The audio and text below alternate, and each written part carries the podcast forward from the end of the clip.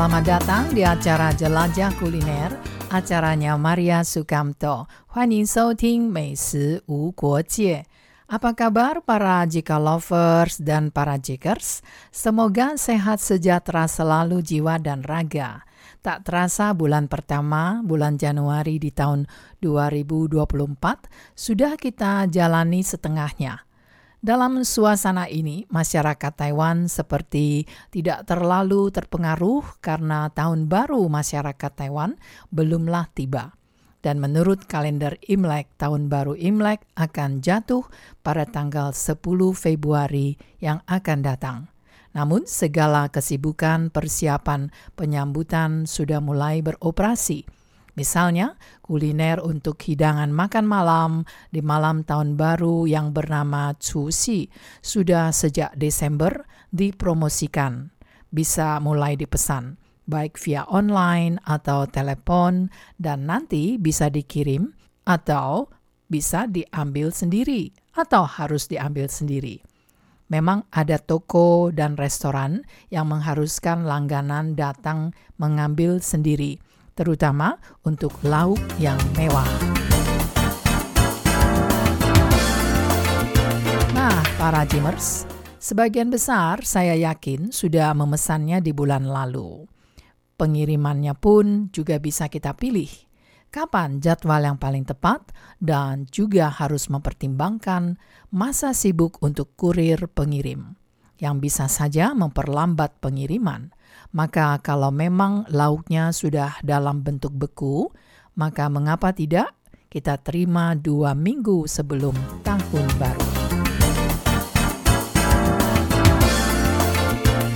Teman-teman Jamers, hari ini saya mengajak Anda menjelajahi kuliner jadul Taiwan yang disukai kaum senior ketika masih masa remaja mereka.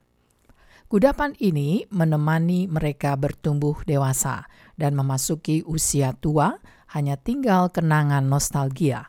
Dan tampaknya sekarang kudapan ini sudah dijual dalam bentuk kemasan dalam kaleng dan Anda tinggal menyeduhnya dengan air panas seperti halnya kita menyeduh susu dari susu bubuk.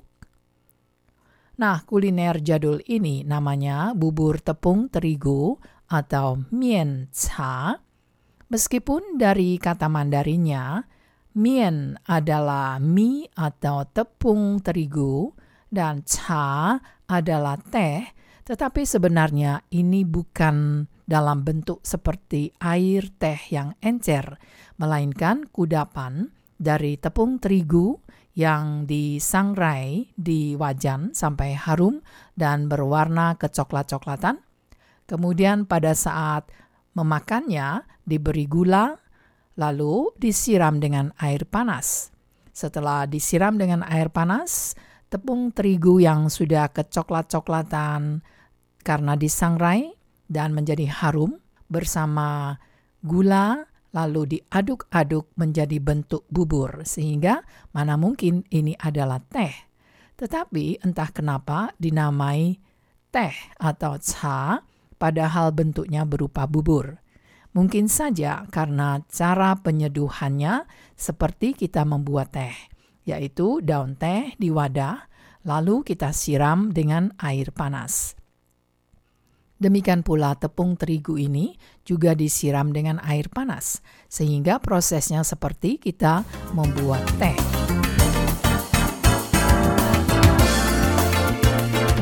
Mari saya perkenalkan dulu cara membuat mian cha, bubur tepung terigu.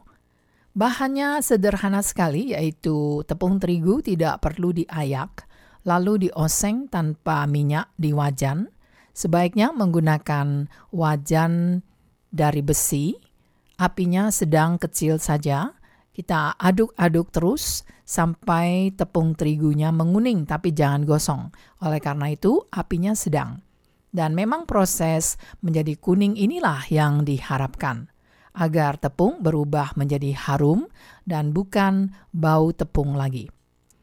Nah, tepung terigu sangrai ini setelah menguning, jadi menguning semuanya atau menjadi coklat semuanya, kita taruh di mangkuk. Ya, dalam porsi tertentu, jangan terlalu banyak, nanti terlalu kental. Lalu kita beri sedikit gula, kemudian kita siram dengan air panas yang baru saja mendidih. Maka bayangkan teman-teman, seketika tepungnya berubah menjadi bubur kental dan perlu diaduk rata agar gulanya merata dan lumer. Nah, ini sering dibuat sendiri oleh ibu-ibu rumah tangga di zaman dulu untuk kudapan bagi anak-anaknya Ya memang di zaman dulu tidak begitu banyak kudapan dan juga mungkin juga dalam pertimbangan ekonomi, maka membuat kudapan sendiri akan jauh lebih ekonomis. Nah, terus terang saya sendiri belum pernah mencobanya, hanya melihat karena tidak mungkin semua saya cicipi dan juga tergantung dari keinginan saya.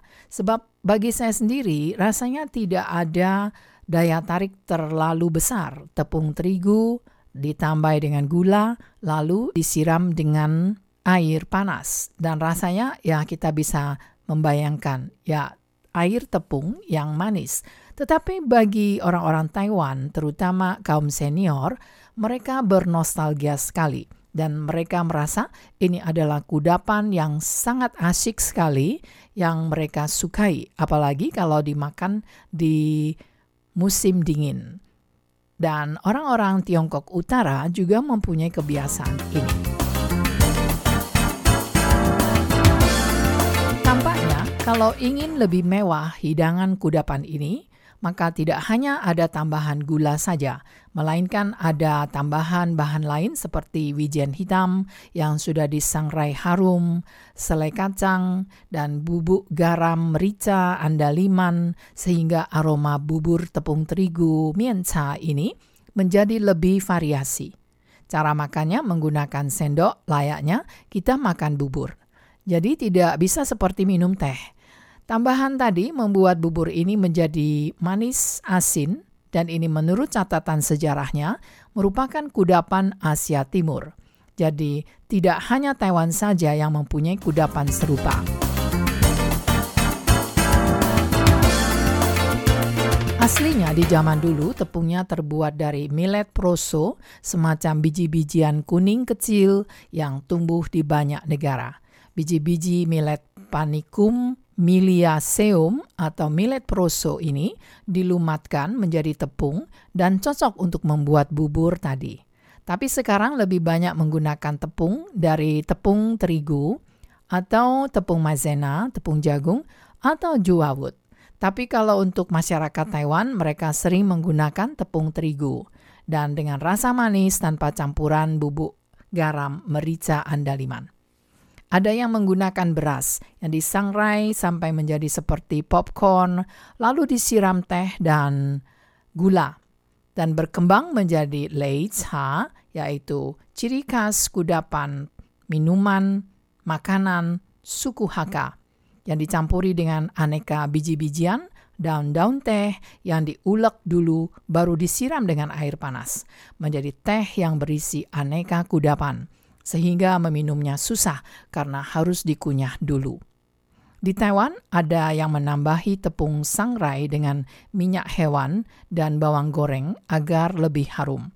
Sesuai dengan kebiasaan kuliner orang Taiwan yang suka menambahi kuliner dengan bawang goreng.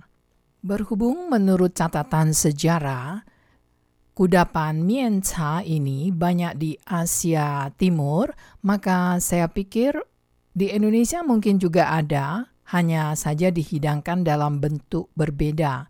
Dan kalau ada aroma yang khusus tentu saja mengikuti rempah-rempah yang tersedia di negara masing-masing. Dan tampaknya di negara-negara seperti India, Nepal juga ada, hanya ditambah dengan lebih banyak rempah-rempah. Tetapi kalau di Taiwan cukup tepung terigu biasa dan gula serta air panas. Ini identik dengan keadaan ekonomi di masa lalu, apalagi tepung terigu susah diperoleh, sehingga tepung terigu juga merupakan sebuah kudapan mewah di zaman dulu. Terima kasih telah bersama-sama saya. Sampai jumpa.